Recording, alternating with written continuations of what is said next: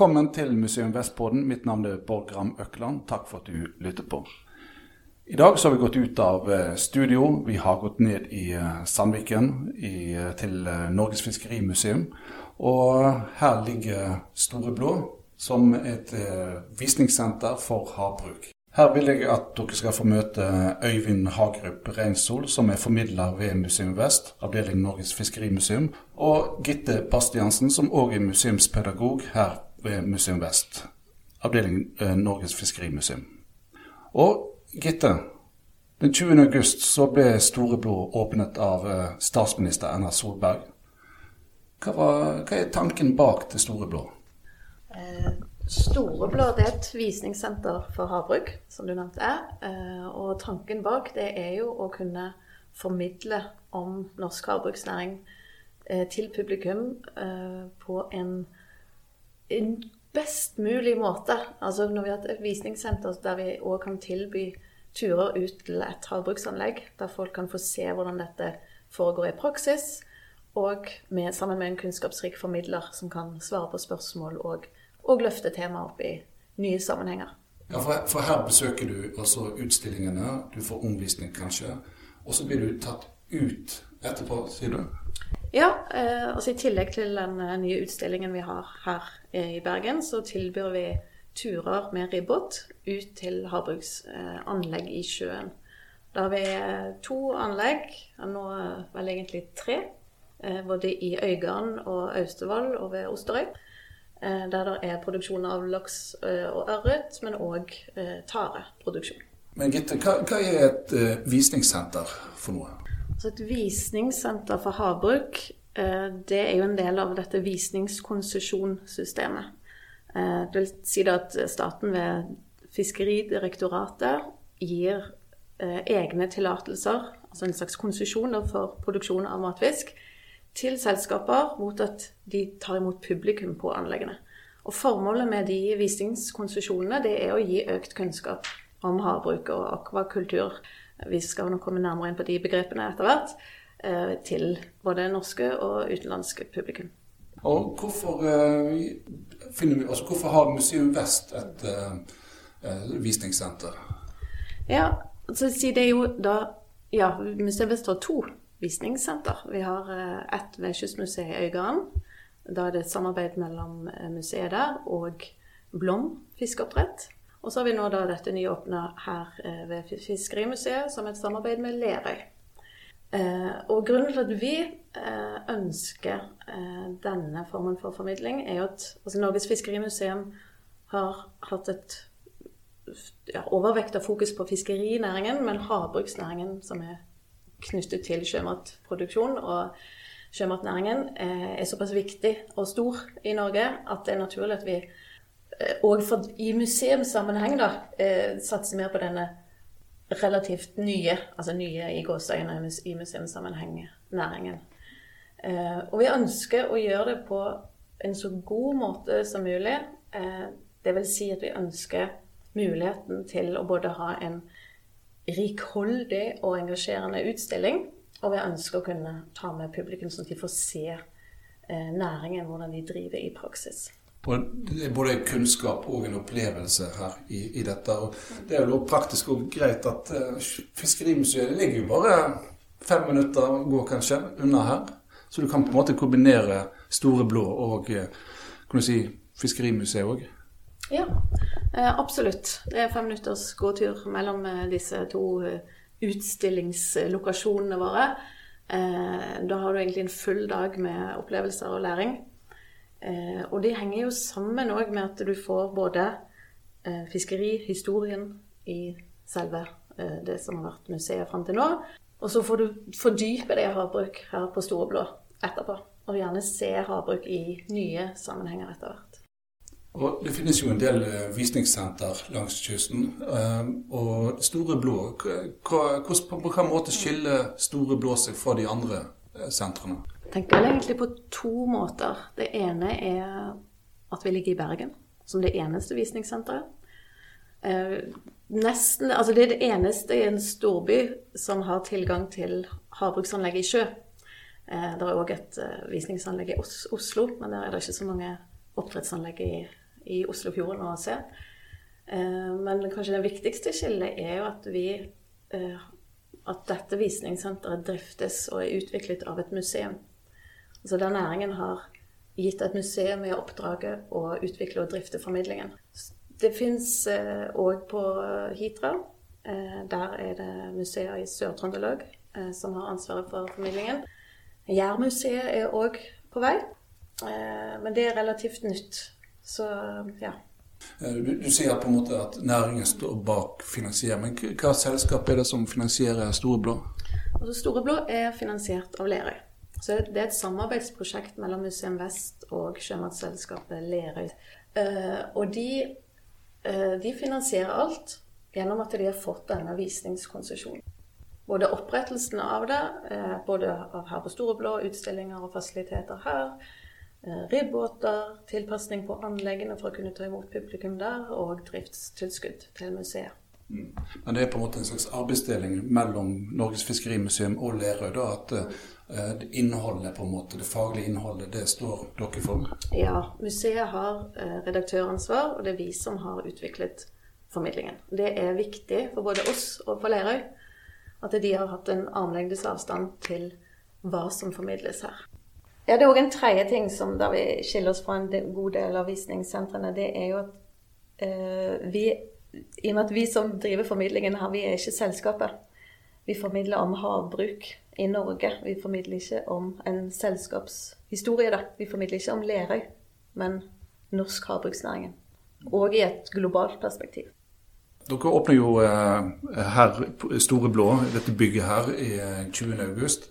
og det har jo vært litt spesielt med korona og ja, eh, det har jo satt sine begrensninger. Men, men eh, hvordan, eh, hvem er målgruppen til Store Blå, og hvordan har besøket vært så langt? Ja, Målgruppene det er skoleelever, primært ungdomsskoleelever. Og så er det lokalbefolkningen og utenlandske turister. Så den er tredelt, men med en ekstra vektlegging på skoleelever. Vi har bl.a. en undervisningslab her i andre etasje Eh, som vi skal gå inn og se litt på senere. Eh, og vi setter av en god del av disse ribbturene våre til skoleklasser. Som får gratis hos oss. I et todagersopplegg. opplegg. Eh, når det gjelder koronaåret, så var jo det veldig spesielt for oss som for alle andre. Besøket etter 20.8 har vært selvfølgelig veldig labert. Vi har vært stengt i perioder. Vi hadde en god del skoleklasser som kom når det så litt bedre ut etter sommeren. Eh, men så ble vi stengt igjen. Så ja, Og utenlandske turister har vi ikke hatt noen av. Men eh, ja. Men, men, men selv om eh, dere har åpnet her, i dette bygget her, helt i sjøkanten for øvrig, med fantastisk utsikt over Byfjorden, på en blå dag, må jeg bare få sagt, med, altså en solskinnsdag. Men før, før, dette bygget åpnet, så har dere òg tatt imot eh, skoleklasser bl.a. Og, og med, med, kjørt inn med, med ribb. Hvordan, hva opplegg var det? Ja, Vi driftet visningstillatelsen, eller visningstilbudet, òg i 2019. Da hadde vi både skoleklasser, nå har jeg ikke tallene her i hodet mitt, men da har vi både skoleklasser og lokalbefolkning. Men da brukte vi utstillingen vår om havbruk som vi har i museet. Så eh, Øyvind og Lise, eh, formidlerne her, de tok først publikum med og viste hvordan havbruk eh, foregår gjennom denne interaktive utstillingen vår i Finn City. Og så rett fra museet rett utenfor der. Opp om bord i ribbåt og ute en halvtimes tur i villfart. Altså, mange tenker eh, jo på havbruk eller fiskeoppdrettnæringen, som han gjerne kanskje sa før, som en ganske ny næring. Men den har jo vært her i noen år. Noen tiår, faktisk. Du har, eh, du har liksom to, to, løp der. Du har den historiske, som gjerne drikker seg tilbake til middelalderen. da, og kunne, altså, da, Som havbruk, landbruk, jordbruk. da, Å kunne skaffe seg mat til enhver tid forutsigbart, har man jo drevet med lenge. Men, men har man holdt på med fisk altså, til å si fiskeoppdrett siden middelalderen? Ja, ja. Eh, munkene f.eks. kom jo eh, og, og, lagde dammer og hadde regnbueørret i dammer i, i Norge eh, for å skaffe seg mat. Og, okay, i, i, verden så har man jo drevet med dette her i mange tusen år. I Kina så har man jo drevet med oppdrett i en eller annen form i mange tusen år. eh, den moderne havbruksnæringen, eller oppdrettsnæringen som man før kalte det, starter jo på rundt 60-tallet, tradisjonelt sett senere. Men vi har altså likevel tradisjon for å ha en eller annen form for oppdrett og konstant tilgang på fisk langt, langt tilbake. Tilbake til å si 50-60-årene. Hvordan så eh, oppdrettsanlegget eller havbruksnæringen ut da? Det, det, er klart Pionervirksomheten tidlig da bærer jo preg av mye Petter Smart-oppfinnelser og prøving og feiling, rett og slett. Eh, vi har jo hatt en lang historie i Norge for havforskning og utforskning av hav, og i den sammenhengen òg da finne bedre måter å, å, ha forutsigbar tilgang på fisk. Dette henger jo litt sammen med fiskerihistorien òg. Skal du ut og fiske, så er det sesongbetont veldig mye av det. Da å kunne lage maten, ha tilgang på maten eh, utenfor stuedøra, bokstavelig talt, eh, har man da forsøkt på. Da begynte man som sagt tidlig på 50-tallet, kanskje. Noen pionerer begynte. Havforskning var jo frampå der. Men det er virkelig fra 60-tallet at de store gjennombruddene kommer, da. Med Grundtveitmæren bl.a. Som kan minne litt om de merdene vi ser i dag ute i sjøen, som er store, svære plastringer på kanskje 300 meter i omkrets, de største. Men opprinnelig så var det altså dammer på land, da? eller? Det var flere ting. Altså Dammer på land kunne man gjøre hvis man har rent ferskvann. Man kunne stenge av poller, f.eks. Og det er jo litt den historien tilbake til gamle dager. Man kunne fange sild f.eks. inni svære poller. Eh, jo, altså De forskjellige gårdene hadde sine deler av disse nettene, nøtene som man satte ut. Så var det sånn sambrukssystemer. Mens etter hvert på de mindre skalaen så var det jo gjerne da poller man kunne stenge av, og så satte man ut fisk der. Ute på Sotras er det jo flere eksempler på da er pionerene som stengte av der ute. og nevnte Blom er jo en av de som er tidlige eh, der ute ved forsøk å få til dette her. Og Var det laks da, eller var det sjøørret eller andre Det var jo hovedsakelig ørret man begynte med. Og så har man funnet ut at laksen har egnet seg bedre eh, som en fisk i fangenskap. Eh, som vårt nye husdyr, på en måte. Eh, så, men det var gjerne ørret og at man, man begynte. Men eh, på 70-80-tallet så eh, blir jo på en måte dette her en mer profesjonell næring. Hvorfor ble det sånn da? Klart Teknologien har mye å si. Man, man utvikla bedre og bedre teknologi. og klart Det var jo en framgangstid i Norge generelt. ikke sant? Det henger jo litt samtidig i, i tid med at man finner olje. ikke sant? Man blir en veldig velstående nasjon. Så man har både ressurser, eh, både i kunnskap, men òg i økonomi til å faktisk drive dette.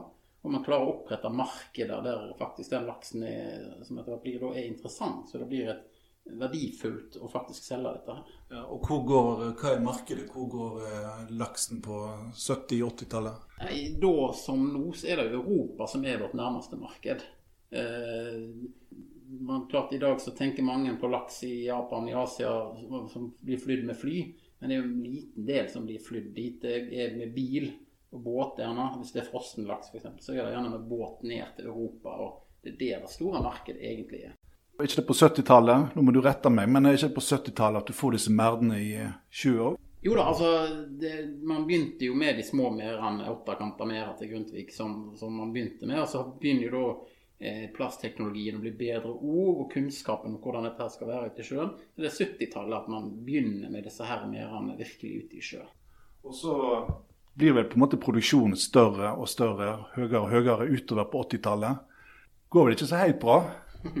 Nei, altså Dette her henger jo sammen med storpolitikken med EU. ikke sant? Man produserer mer, og så er det jo da EU som setter begrensninger. Så man har jo den store fiskekollapsen, eller lakseberget som man snakker om. ikke sant? Der det går kollapser totalt. så Man fryser inn fisk for å selge, og så sitter man igjen. Så det er mange som går under utover på starten av 80-tallet særlig. Eh, og en del store da, aktører som vi ser igjen i dag, som fremdeles er med, som har klart å overleve. Eh, samtidig som det er fremdeles også en del småbedrifter som familiebedrifter. og Da er det mange av fremdeles i dag som allikevel har klart seg.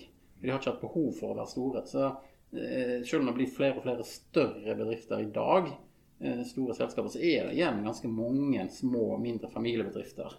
Og På, på 70- og 80-tallet så var det vel eh, viktig å tenke også distriktspolitikk og arbeidsplasser. At, eh, og at det skulle være en næring som på en måte var spredt utover langs norskekysten, var ikke det det? Klart Dette var jo et, et, et mål fra, fra, fra, fra, staten, rett og slett. At det, det var et bevisst satsing på distriktene. At det var muligheter for mindre å etablere seg og drive med dette. For klart, Vi kommer kanskje tilbake til det, men altså, kysten vår er jo spesiell, og den er jo spesielt egnet. Så man kan drive med dette her litt på små Kunne i hvert fall drive med det litt sånn på småskala eh, rundt omkring.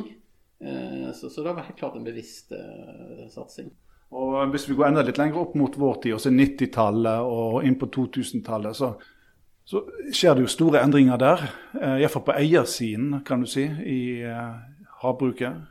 Ja, altså det er jo som jeg nevnte, at det blir større og større firmaer som, som går inn.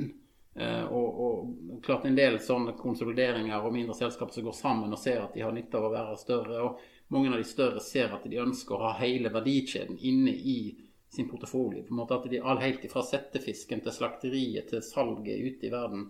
Eh, de største selskapene har liksom hele linja i, i, seg. Og da er det klart, hvis du er en liten oppdretter, en liten familiebedrift, så har du kanskje ikke anledning til å ha hele den linja. Eh, så det, det, det, lønner seg for mange kanskje å være større. Men du mister jo selvsagt litt av den der lokale forankringen på en del av disse anleggene. Selv om lokaliteten til anleggene har jo ikke endra seg nødvendigvis så veldig masse men det er eierskapet bak som endrer seg. Havbruksnæringen er jo en uh, veldig stor og viktig næring i dag i Norge. Og myndighetene har jo gått inn og regulert uh, en god del. Ja, det, altså opp gjennom tiden, som altså, jeg nevnte jo dette her med at det, det var en villa satsing på distriktene. ikke sant? Så, eh, så, staten har hele tiden vært inne og justert dette. For det, eh, det krever at man har regulering og justering av dette. her. Det er ikke fritt fram. Og det er jo mulig enda mer. Så jeg tror det er få næringer som er så gjennomregulerte og kontrollerte som havbruksnæringen. Selv om man kanskje ungen ikke tror det, så, så, er det ganske tungt. Og bare da, det er jo ikke for de fleste å kunne starte opp i dag. Det er konsesjonsbelagt, alt som skjer i sjø. Det er litt viktig å merke seg at det som skjer i sjø, er konsesjonsbelagt. Mens eh, og koster mye penger på den der eh, Man har jo et sånt havbruksfond som er etablert der man, og årlige auksjoner der man kan kjøpe seg nye Eh, utvikling, altså nye, nye konsesjoner for drift.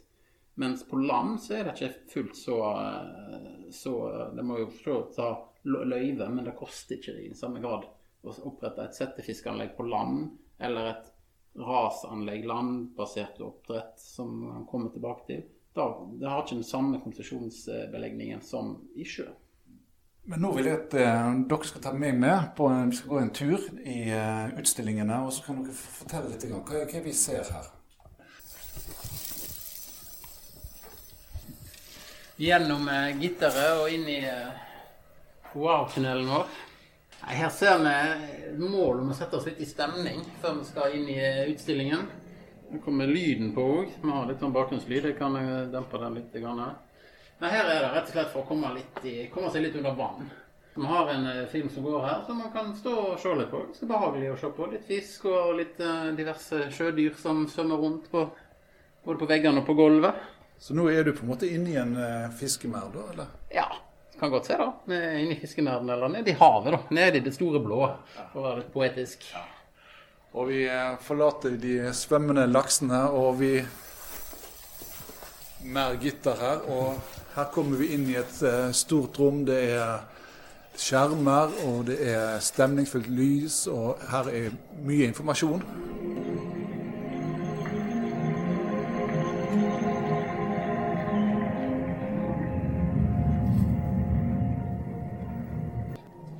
Mye av disse utstillingene her, er, eller alt stort sett, er jo basert på uh, moderne prosjekt og teknologi. Det foregår på skjerm, alt sammen. Stort sett bort fra en liten analog del som vi har.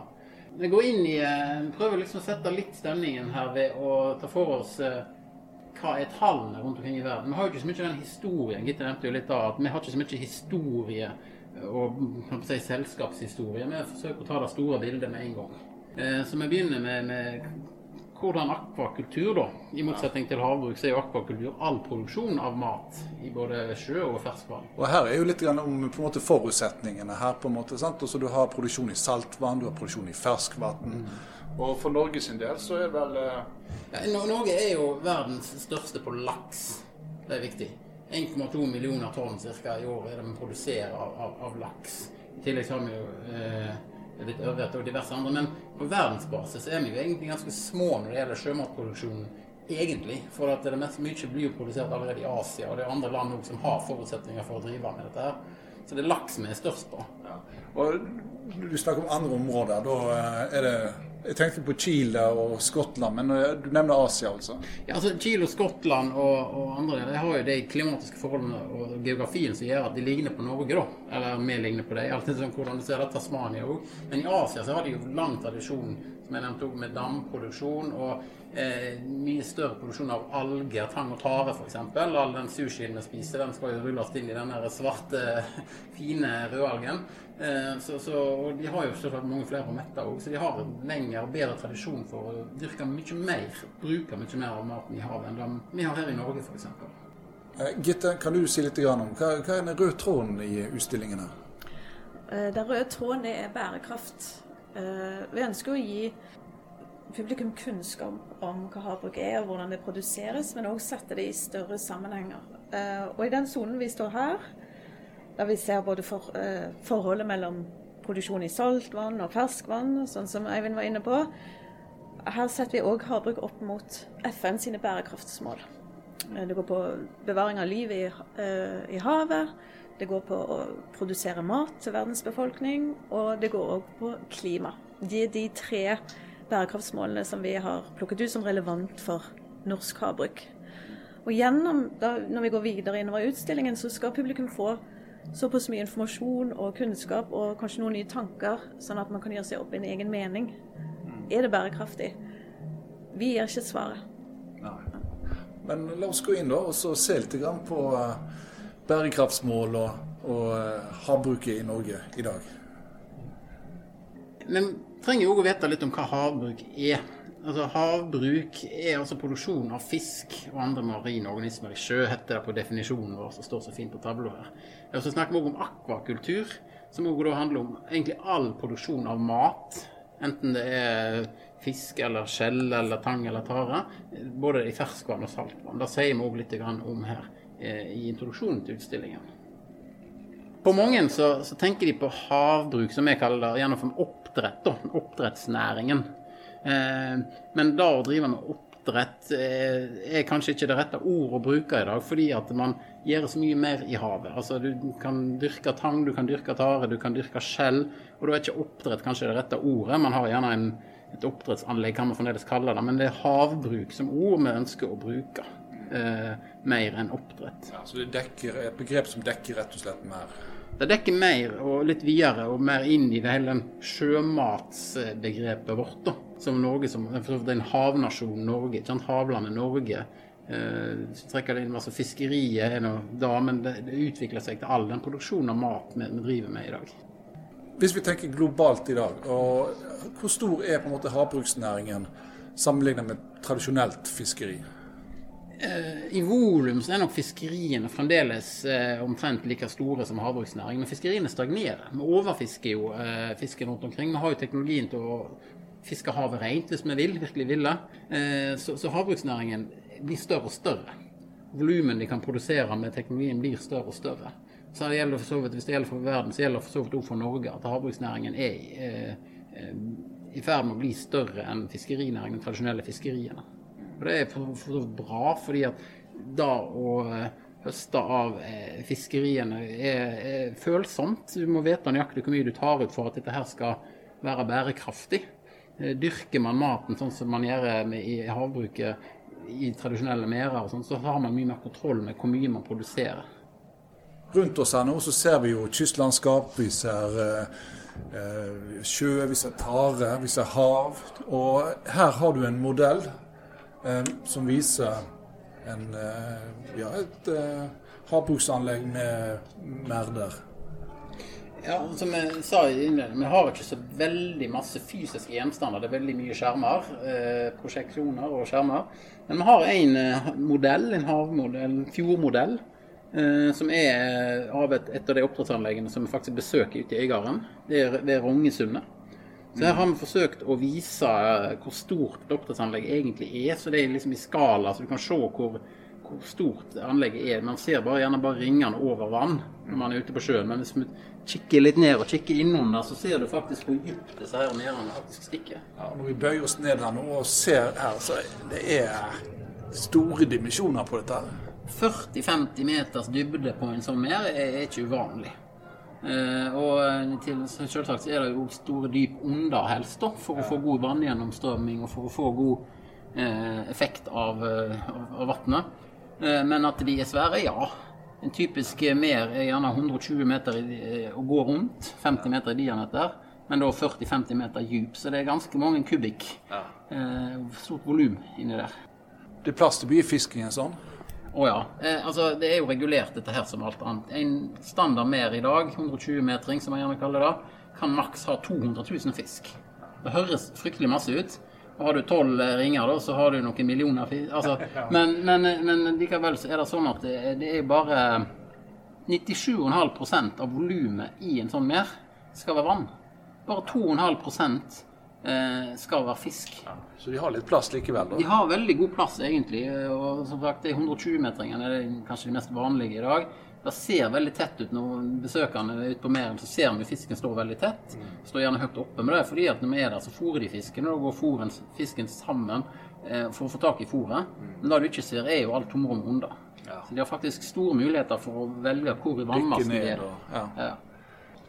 Og her ser vi et kart, og det viser vel eh, litt hvor eh, mange anlegg det finnes, eller? Ja, altså vi, vi har en egen her, handler litt om hvorfor Norge, er jo gjerne spørsmålet. Det nærmeste vi kommer kanskje historien, da.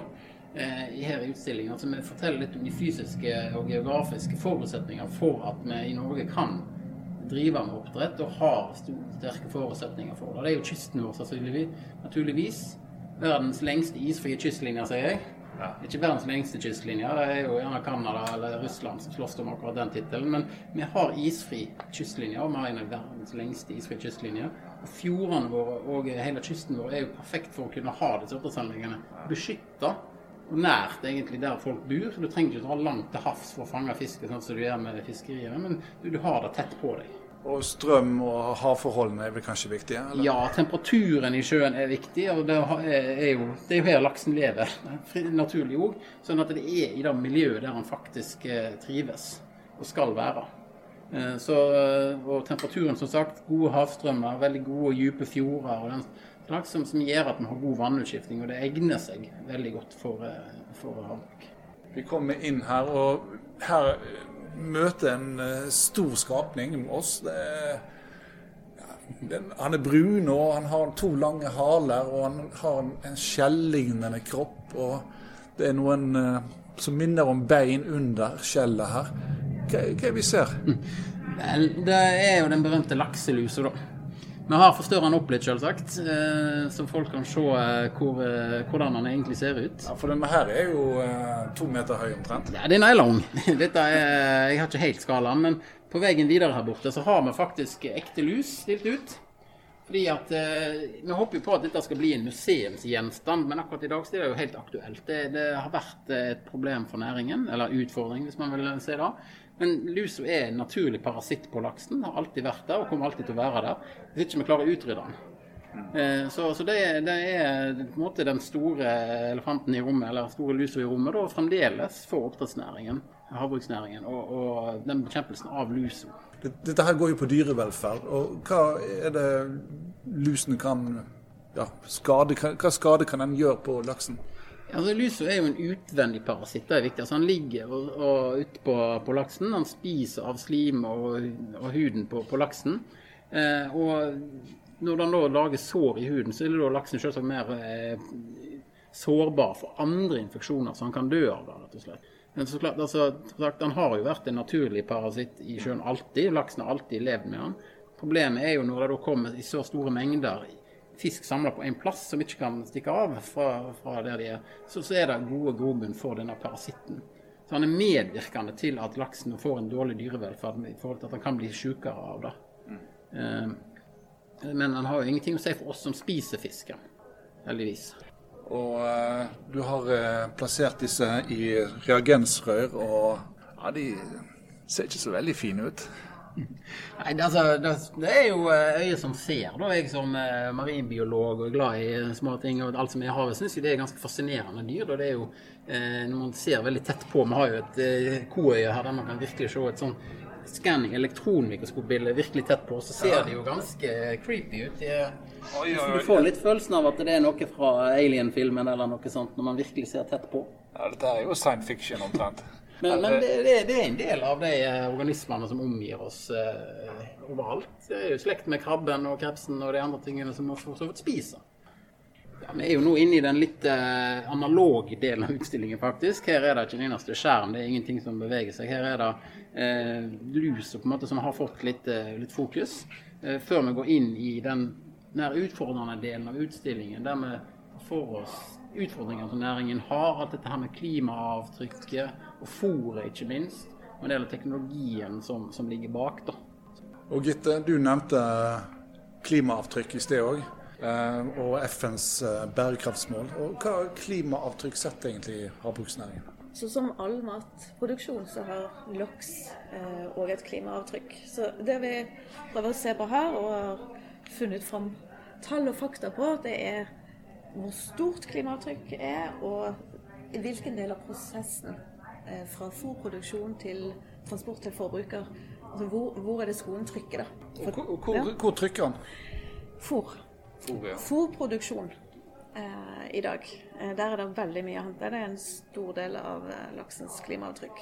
Altså Særlig i forhold til bruk av eh, soya, som er en stor del av eh, fôr Altså, et laksefôr i dag er jo nærmere 70% vegetabilsk. Fra at fisken spiser plankton og det i havet og dyreplankton, så er det jo et veldig plantebasert fôr man, man bruker i dag.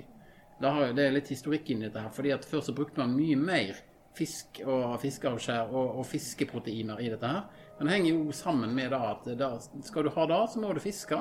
Og Da er det jo gjerne brisling og ansjoveter og en del sånne bestander som kanskje er litt belasta, som man nå må fange typisk i, i Stillehavet, kanskje i Norskehavet for den saks skyld, og ta til land og prosessere. Så næringen valgte jo på et tidspunkt å gå over til mer plantebasert fôr, nettopp for å ikke være med på denne her overbeskatningen av fisk for å gi fisk for å fôre fisk, for å si det sånn. Så det, men det har jo da blitt et problem da med soyaen. Selv om eh, soyaen er kanskje på vei ut etter hvert. Man finner jo nye løsninger. Man finner nye typer alger man finner nye typer proteinkilder da, eh, til, til, å ha i fôret. Det ja, det er over 40 soya i laksefôret eh, i dag. Og grunnen til at det har stort eh, klimaavtrykk, det er jo pga. at da har man tatt med i beregningen avskoging i Brasil. Selv om norske lakseprodusenter bruker fôr med soya som er såkalt sertifisert, som ikke skal være dyrket på ny, altså avskoget eh, regnskog i en viss Altså i siste ja, Det er noen tiår tilbake i tid de regner. Eh, men i tillegg til fôrproduksjonen, så er det òg transport til forbruker som er neste store bolken da i klima- eller CO2-avtrykket. Ja, for hvis, jeg vet ikke, men Er det mye av eh, fisken som går med fly, f.eks.? Nei, eh, det er ikke mye.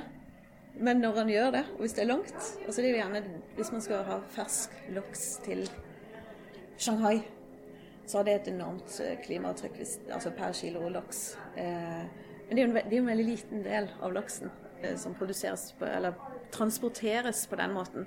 Det er last, altså vogntog og båt med fryst, fryst fisk som er ja, det store. For, for, det meste av norsk laks det går til EU og markedet ute i Europa? Ja, det varierer det varierer fra år til år, men EU er det største markedet det har vært en stund. Men òg ja, Asia, Russland har vært stormarked. Ja. Men det, det som er, er, kanskje litt overraskende for mange, det er at selve produksjonen av laks, altså fra settefisk til slakt, det er en prosentvis liten del av klimaavtrykket. Det er klart Der òg må man kutte. Altså Skal man nå klimamålene, så må man kutte på i alle ledd. Da er det jo snakk om elektrifisering av disse arbeidsbåtene. Elektrifisering av eh, havbruksanlegget. Nå går det på aggregat mye, men mer og mer blir med landstrøm. Eh, den type ting. Du nevner disse båtene, og det, har jo utvikla seg etter hvert en eh, si, spesialbygde båter for havbruksnæringen i Norge? Ja, altså Der eh, du før hadde mange små verft rundt omkring som produserte fiskebåter, så er jo det, det i dag snudd helt om på hodet og lager som du sier, spesialbygde båter. Altså det er egne anleggsbåter som, på en måte som traktorer, som har sine spesialiserte oppgaver. Og særlig i dag, hvis man leser følger litt med i dag, så er det jo brønnbåter som er den store tingen. Bygges, man kan ikke få bygd nok brønnbåter. Men er, det egne rederier som eier disse brønnbåtene, eller er det, det havbruksnæringen sjøl? Der er det litt forskjell. Altså, du har jo selvsagt en del rederier som, som, kun spesialiserer seg på det, men ofte så er jo de store selskapene er jo gjerne har eierinteresser i, i disse her forskjellige selskapene. Så, så de sørger for å, å, å, drifte dette her. Og som jeg nevnte tidligere, disse små gjerne familiebedriftene, litt mindre bedriftene, er jo gjerne avhengig av å kjøpe disse tjenestene. Da. Sånn at det, det, det, det er ganske sånn sammenvevd nettverk av kjøp av tjenester og ha egne tjenester og ha hele verdikjeden tilgjengelig. Noen ønsker det, mens andre er på salg- og tilbudssiden innenfor hele spekteret av båter og hele den næring, driften av næringen rundt dette her. Men jeg har lyst til å si litt mer om fôret. Det kan vi lage en egen podkast om. Egentlig, men? Ja, det er spesialisten på fôret. Ja, men fôr Altså, det er, ikke bare, det er ikke bare soya og villfisk. Eh, altså det er 75 ca. av fôret som er vegetabilsk i dag. og Det er jo mye raps og hvete, solsikke, eh, av det vegetabilske. Eh, da, nå snakket vi om fôr i forhold til klimaavtrykk. Der er både villfisken og, eh, og soyaen særlig eh, kan du si synderen. Det er et eh, klimaavtrykk når man fanger fisken vilt, eh, med dieselforbruk osv. Men laksen trenger marint råstoff. Den trenger omega-3, den trenger disse oljene. Den trenger protein. Eh, så er det heldigvis kanskje lys i tunnelen. Så det forskes eh, eh, en god del på dette for tiden. Og man prøver ut alternative råstoff. F.eks. mikroalger eh, som kan være rike i omega-3. Det kan være larver, insektlarver, mm. som kan òg fôres med matavfallet til oss mennesker. Ja, for jeg bare skyte inn der, for jeg ja. mener jeg hørte på radioen her en dag at uh, på Flesland så har de, uh, tar de imot uh, matavfall fra industrien først og fremst så, så langt. Mm. Men, men, at det blir omgjort til uh, fôr til fiskenæringen. Eller? ja, det er en garasje på Voss, eller det begynte som en garasje, der de dyrker, eller oppdretter, da, insektlarver med elbiller. Eh, og det er vel tanken at, sånn som jeg har forstått, eh, at dette, disse larvene etter hvert skal fôres med matavfallet til Bergen, altså til eh, BIR. Og da snakker vi om en sånn sirkulært system, der det er ressurser som ikke er menneskeføde, matavfallet vårt, som går gjennom et insekt og så i, i laksen. Jeg tror, ikke, jeg tror, de er ute av garasjen, og det må i hvert fall være snart. For det, det, de, de bare snakker om å klare å skalere opp produksjonen. De, de, over, de, overtok huset til bestefaren når han døde, var det vel, tror jeg òg, så de, de le opp. Men da de gjør der, er jo i liten skala i forhold til de mange tusen tonnene man trenger. Så larver alene er jo ikke løsningen, det er en del av løsningen. Eh, nå snakker du kanskje litt om tang og tare òg, men da er kanskje der ja. potensialet er aller størst per i dag er jo å dyrke tang og tare på de enorme havoverflatene man har, eh, og, og sette det inn i fôret. I tillegg til at det kan brukes til andre matproduksjon òg, selvsagt, men bruke det inn i fôret. For at tang og tare er jo eh, det, Hva trenger det? Det trenger sollys. Næringen det trenger, det får det fra havet. Det er jo næringsrikt hav, men det vokser i uansett. Så, så potensialet der er veldig stort. Og der er det oppskaleringsmuligheter Sky is the limit, tror jeg det er. Eller the sea the limit, kanskje. Altså, ja, ja. Der har du virkelig store muligheter. Ja, og det ligger jo litt i det du sa, på en måte at uh, vi snakker ikke om uh, oppdrett lenger, men uh, havbruk at det omfatter så mye mer. Sant? At uh, til og med tang og tare Ja, altså hvis jeg sier jordbruk, så sier noen havbruk, landbruk. Altså det, det, det, det er måten du, du, du, dyrker maten på, bare at mediet er annerledes. Ja, ja. så Derfor bruker man gjerne som sagt mer havbruk som en mye større begrep enn bare fisk i mer. Men hva med antibiotika f.eks.? Finnes det i uh, fôret til laksen? Antibiotika finnes ikke i fôret til laksen. Det er, en liksom gammel myte, dette her. Og klart Vi har en mørk historie fra 80-tallet kanskje mest, at man, man, medisinerte fisken. Men i dag så er det jo vaksiner som gjelder. Fisken blir vaksinert på tidlig stadium. Så eh, hvis man ser på statistikken, dette er jo statistikk fra Veterinærinstituttet, og, og, så, så, er det knapt nok bruk av antibiotika i næringen i dag. Man bruker andre ting eh, som sagt som vaksiner og bedre kontroll av systemene heller enn en antibiotika. Andre land har fremdeles dårlige på seg historie med det, og bruker det kanskje mer aktivt enn det vi gjør.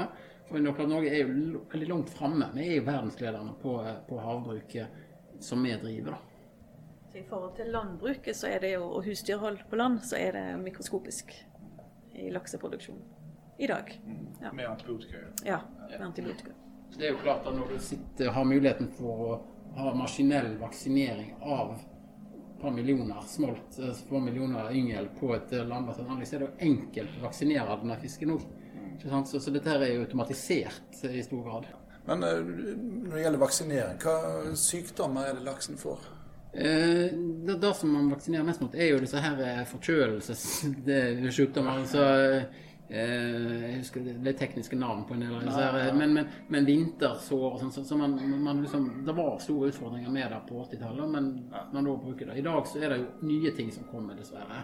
Mange har kanskje hørt om PD, pancreas disease, eh, ILA altså det, De har ikke sånn tekniske navn som, eh, som, som truer næringen, altså som, som, er et problem. Og det er jo regulering en viktig del av. At staten har gått inn og regulere områdene man skal oppdrette i. Man har jo brakkleggingsperioder i områder for å unngå spredning. Ja, for Risikoen her er vel spredning til villaks f.eks.?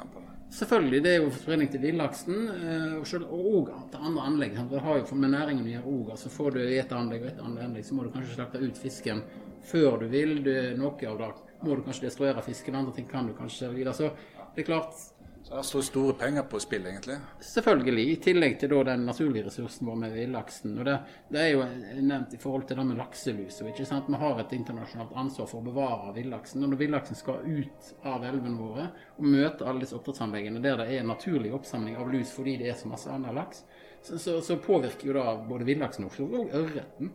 Sjøørreten har ikke det samme vernet som villaksen har. Vi har et internasjonalt ansvar for villaksen, men ikke nødvendigvis for ørreten. Men den, den lever jo enda mer kystnært. Den vandrer ikke så lenge ut. altså Laksen skal bare gjennom. Så ørreten lever jo langs kysten hele tida. Så den er jo minst like trua, den. Og Her har vi jo òg eh, sitteplasser. Det er jo kjekt at det finnes sitteplasser på museum. Ja, altså vi har jo tenkt at uh, det er såpass innholdstung utstilling i positiv forstand uh, at folk uh, syns det er godt å sette seg ned og kan se på disse filmene i ro og mak, og kanskje diskutere litt med hverandre underveis òg. Det er mange som har både meninger om dette, og kanskje får nye opplysninger. Foran oss her har vi en stor skjerm. og Øyvind, kan du forklare hva er vi ser her? Altså Her er jo eh, kliv, eller problemveggen vår, hvordan påvirker havbruk miljøet. Altså Her prøver vi å eh, dykke litt inn i de forskjellige eh, utfordringene som vi har. En del myter som kanskje kan prøve å avlive, bl.a. det som vi snakker om antibiotika. Vi kan vise til de tallene som finnes. Eh, vi tar opp eh, en del av de, vanlige tingene som folk eh, spør oss om, eller vil spørre om, og som, som næringen sjøl òg trenger å eh, bli, bli utfordra på. Da. Så her er det spørsmål som hvordan påvirker havbruk miljøet, og her er det på mikroplast i sjøen. og Det er en del sånne kjemikalier sant, mot lakselus. Det er en del eh, tema her som Jeg er jo liksom litt inne i den litt mørkere siden av, av eh, utstillingen. Men det er den viktige delen. Der må vi berømme kanskje Lerøy som har samarbeidet med at de tør å la oss få lov til å fortelle en del om dette her, og, og faktisk sette fokus på det. Eh, som, som, for det er viktig for de som vi skal undervise, altså de elevene som vi har her, trenger å vite om dette her. Som jeg sa, det med mytene, det henger igjen mye myter som vi trenger å avlive litt. Men samtidig så, så, er det viktig at folk er bevisste på hva som skjer. Og Det du ser jo da bl.a. grafer som viser at uh, kjemikalier mot lakselus har gått kraftig ned de siste årene. Og du ser uh, uh, bruken av antibiotika som har òg blitt kraftig redusert, som du sier. Ja da, og det noe, dette henger veldig tett sammen med dette med lus f.eks. Det med kjemikalier det er jo litt interessant. fordi at klart, Man hadde en topp for noen år siden for de som fulgte med i media da. Så var det hydrogenperoksiden som alle gikk rundt og snakka om, for den var jo skadelig for resten av miljøet. Hvis man går inn og ser på tallene, så bruker man knapt nok hydrogenperoksid igjen. Sånn at uh, dette her svinger veldig fort. Det er næring som utvikler seg veldig fort. Det er nye ideer som kommer opp veldig fort. Uh, så i dag så er det mindre kjemikalier, kanskje, men en annen form for behandling av fisken. Og Da kommer vi inn på det med dyrevelferd igjen. ikke sant? Altså da Å håndtere denne fisken og pumpe den opp om bord i disse brønnbåtene og utsette den for spyling kanskje, eller ferskvann. Riktignok tåler jo laksen å være både i ferskvann og saltvann, men det er likevel en påkjenning for fisken. Så da, velferden går jo ned hver gang du må behandle fisken. Så når man da behandler den for å, eh, for å bli kvitt et annet problem, så skaper du et nytt problem. Og her, her ser vi en annen graf. Hva er det der viser? Han viser dødeligheten i eh, norske merder. eh, og i, som, som man ser, så har den gått ganske jevnt, sånn litt opp og litt ned, men det er ingen klar trend. Altså Det er en stor utfordring i næringen at altfor mange laks dør før slakt. Eh, I 2018 var det vel 51 millioner eh, laks som døde. Eh, og det, det er både kostbart for næringen, og det er jo ikke bra i et dyrevelferdsperspektiv. Det er jo et annet dyrevelferdsmoment her, da. Og det handler jo om, som mange kanskje har hørt om, disse rensefisken. Leppefisken som man bruker, bergylter og rognkjekk som man setter ut i merden for å spise lus, som skal på en måte være en sånn naturlig atferd, er å spise lusen. Men problemet der er jo at de er jo ikke skapt for å leve i disse merdene. Så man har et stort dyreutfordring der med velferden til, til, til leppefisken. Så igjen, man, man forsøker å løse ett problem med, med en løsning som skaper et nytt problem på et annet nivå. Ikke sant? Så, så det er klart, her er det, her er det ting som man må ta tak i. Så Dere tegner jo bilder på en måte næring som vokser veldig, som endrer seg veldig fort, og som har jo òg en del miljøutfordringer på veien. Men det er jo òg en næring med, som sysselsetter ganske mange folk i Norge, eh, og eksporterer for store verdier. Hva vet, hva vet vi om det? Ja, altså Næringen, eh, sånn, eh, som en sånn tommelfingerregel per i dag, rundt 2020 så er det gjerne 30 000 årsverk er det som er knytta til næringen veldig direkte. Så, så det, er en- det, det er en stor næring i Norge. Og hvis du tillegg har ringvirkninger lenger ut, så er det viktig for Norge. Og det er jo store pengesummer vi snakker om. Altså Sjømatnæringen i, i 2020 eksporterte for 105 milliarder kroner. Eh, Da er riktignok eh, fiskeri med òg, men rundt 70 76, 50, 70, 80 millioner av, av, dette her er jo, eller milliarder, 70-80 milliarder av dette her er jo fra oppdrettsnæringen eller havbruksnæringen, og da laks hovedsakelig. Så det er det store summer, og det er viktig for Norge. For det det er jo fremdeles i stor grad en distriktsbasert Du er jo helt avhengig av sjøen for sånn som vi driver i dag. Så det er jo, det er jo eh, verdiskaping i hele Kyst-Norge. Eh, får man mer på land, så kan man jo fremdeles kan man jo produsere oppe i Hallingdalen òg der. for den saks skyld. Og det finnes jo, hvis man går inn på kartene og ser hvor akvakulturtillatelsene finnes i Norge, bruker f.eks. Barentswatch eller Yggdrasil-funksjonene til, til eh, Fiskeridirektoratet, så kan du se hvor alle konsesjonene befinner seg her i Norge. Hvis du går inn og ser oppi eh, dalene, Gudbrandsdalen, og der, så vil du faktisk finne konsesjoner oppi der. Og det er jo et lite sånn bitte liten del av det. Det er jo faktisk rakfiskproduksjon. De må jo få ørreten og eh, harren sin til, til det det er. Og der er det faktisk tillatelser langt inn i landet.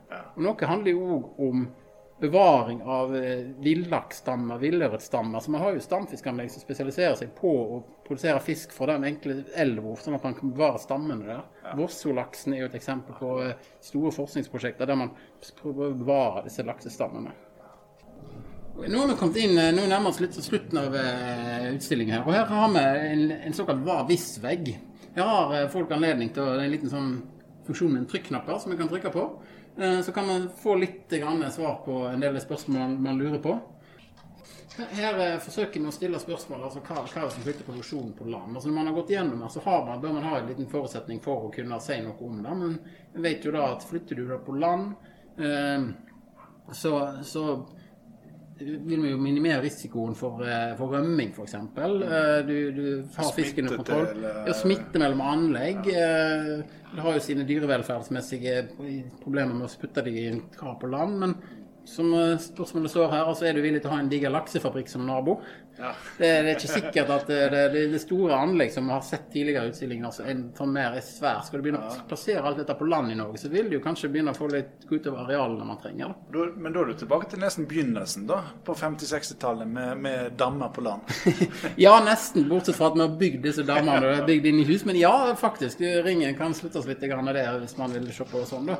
Men eh, ja, så, så vi har en del sånne var-hvisker. Og her er det jo gjerne med stille spørsmål og diskutere med publikum. De kan få lov å gå på egen hånd rundt i utstillingen eh, og lære seg selv. Da trenger man på en måte, man trenger tiden til å lese på. Så kan man møte de her, oss formidlere, møte publikum her, stille spørsmål og ta en diskusjon. Så kommer man til et punkt her der vi spør hva er viktigst for deg. Og her har jo publikum anledning til å sette et lite merke i utstillingen.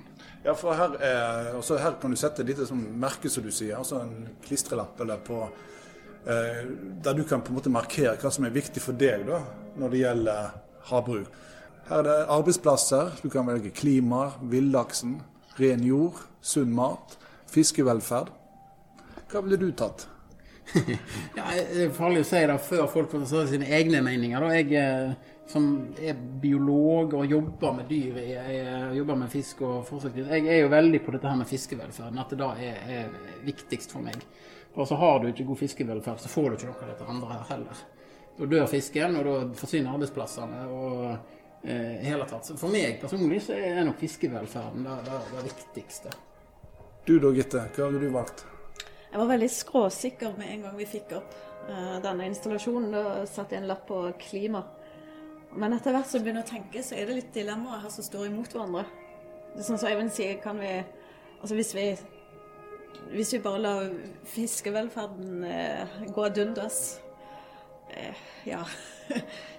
det går jo ikke. Villaksen må vi redde. Vi har et ansvar for å ta vare på kloden og de rene fjordene våre. Arbeidsplasser trenger vi, og en økonomi rundt der hvis vi skal ha økonomi til å redde klimaet. Så det, det henger litt sammen. Du vil ha litt av alt, du? Ja, vet du, veldig diplomatisk svar, så jeg svarer ingenting. Men det, men det, er jo noen som velger å sette lappene litt ut i det blå her, og Det er fullt lov, da. Og det, det er vanskelig. Men, men, at man i hvert fall kommer her og tenker gjennom dette her, kanskje mer enn før man kom inn. Da er i hvert fall, Hvis noen velger å ta et standpunkt her og, og si noe, så er det det viktigste for oss at de, de er litt mer opplyst, da. Og litt mer reflekterte og i stand til å faktisk sette en lapp her enn å bare velge klima, fordi det er alle, sier at klima er liksom det viktigste. Men man, kan ta et litt mer reflektert valg her, da. Så jeg håper jo at eh, når folk har vært gjennom utstillingen, at de går hjem og diskuterer rundt middagsbordene med mer kunnskapsrike argumenter.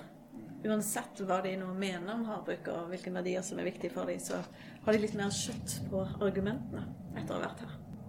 Vi har jo ikke som mål her å overbevise noe om at det ene er riktig eller det andre riktig. Målet her er jo å gi så bred informasjon som mulig om dette her, så folk får, som jeg sier, folk får anledning til å ta et standpunkt, eller bli litt mer kunnskapsrike eh, enn de var før de kom inn. da.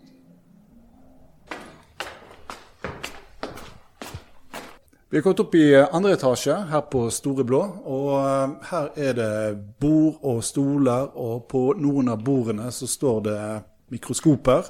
Hva er dette her for et sted? Dette er undervisningslaben vår. Skal vi ta fram, eh, vise deg litt hva vi driver med her. I fryseren vår så har vi tilgang på fisk. I dette tilfellet akkurat nå en ørret, men vi, har, vi bruker laks. Vi har anledning til å hente fisk på oppdrettsanleggene der vi, som vi samarbeider med eh, og ta med hel fisk som vi kan bruke i undervisningsformål. Så bare da å få elever å sløye en fisk, dissekere en fisk, er det de færreste som har gjort. Mange i dag har jo dessverre ikke, selv om man bor i Bergen eller noe, så har man kanskje ikke vært ute og fiska noen gang. Mange har vi jo erfart at de har kanskje sløyd en fisk, men da å være litt mer skånsom og plukke fra hverandre fisken og finne ut hva som er inni fisken, og hvordan man skal forholde oss til den, da er ikke nødvendigvis uh, helt rett fram. Det er mange som får en aha-opplevelse når vi gjør dette. De fleste syns det er veldig gøy. Men hva er det de skal lære, da, skoleelevene her?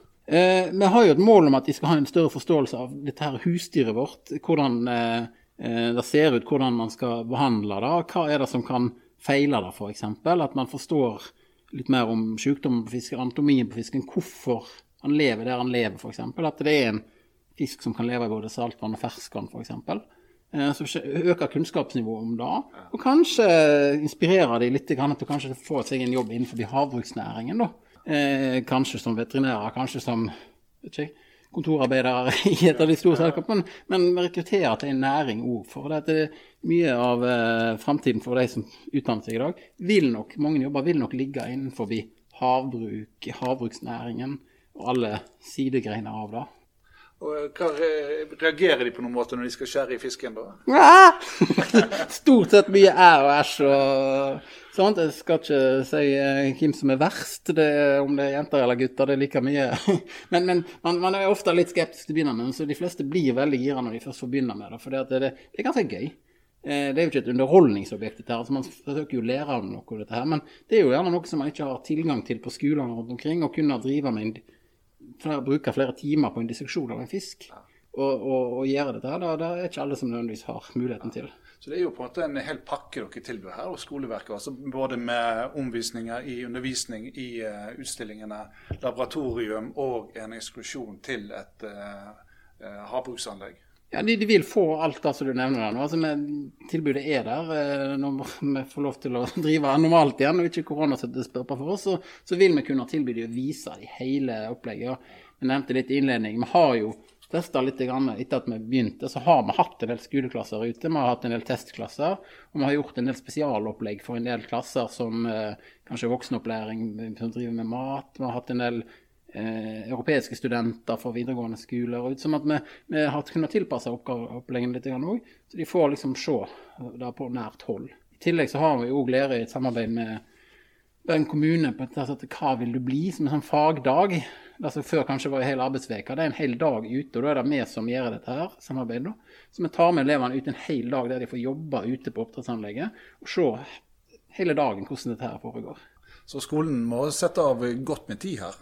Ja, altså, de kan komme på enkle besøk, men de får mest ut av det hvis de, de er med på vårt fulle undervisningsopplegg, der med eh, virkelig går bredt ut da, og, og dekker inn. Så opprinnelig tanken vår er jo et todagersopplegg der de bruker en hel dag i utstillingen. Så er det jo selvsagt en del logistikk med da, å komme frakta 24-30 elever ut på et anlegg. Det tar jo fort 10-15 minutter med båt hver vei, minst. Så, og påkledning og sånt. Sånn at man trenger en dag for å få tatt med alle ut på et enkelt besøk ute på anleggene. Og Hvis du som lytter på nå er lærer og har tenkt at eh, dette her er noe for min klasse, hva skal du gjøre? Hvordan kan du bestille eh, opplegg her? Da kan du gå inn på museumslosen.no, eller på Storeblå sin eh, nettside, storeblå.no. Eh, da vil du få oversikt over de undervisningstilbudene vi har, både her på Storeblå og eh, på Fiskerimuseet. Og så sender man inn en bestilling, eller et spørsmål hvis man har det. Og bare ta kontakt med oss. For vi vil jo òg strekke oss langt i å skreddersy opplegg hvis det er noen skoler som har eller lærere som holder på med et bestemt tema, eller vil ha en bestemt vinkling på dette, så skal vi forsøke å få til det. Kan jo også si at Vi, vi mener jo at dette opplegget vi tilbyr her, det ligger tett opp mot læreplanmålene. Særlig da med den nye læreplanen eh, som trådte i kraft i dette skoleåret, med det tverrfaglige emnet bærekraftig utvikling. Det, går som fot i hose eh, med hele ja, den røde tråden i formidlingen her, med bærekraft. Sånn at ja, og det tverrfaglige emnet demokrati og medborgerskap. Altså, vi ser jo dette som en større sånn et dannelsesprosjekt. da. At man, eh, vi skal gi elevene kunnskap om ernæring og bidra til at de klarer å sette havbruket i større sammenhenger. Sånn at når de kommer hjem til middagsbordet, så har de argumentene på plass. Ut fra sine meninger, da. Mm. Takk til eh, Gitte Bastiansen, museumspedagog, og eh, Øyvind Hagerup Reinsol, formidler ved Norges Fiskerimuseum, en avdeling i Museum Vest. Og takk for omvisningen gjennom Det store blå, et visningsanlegg i Museum Vest. Takk også til deg som lytter på, og du finner Museum Vest-podden på Spotify eller på Museumspodden.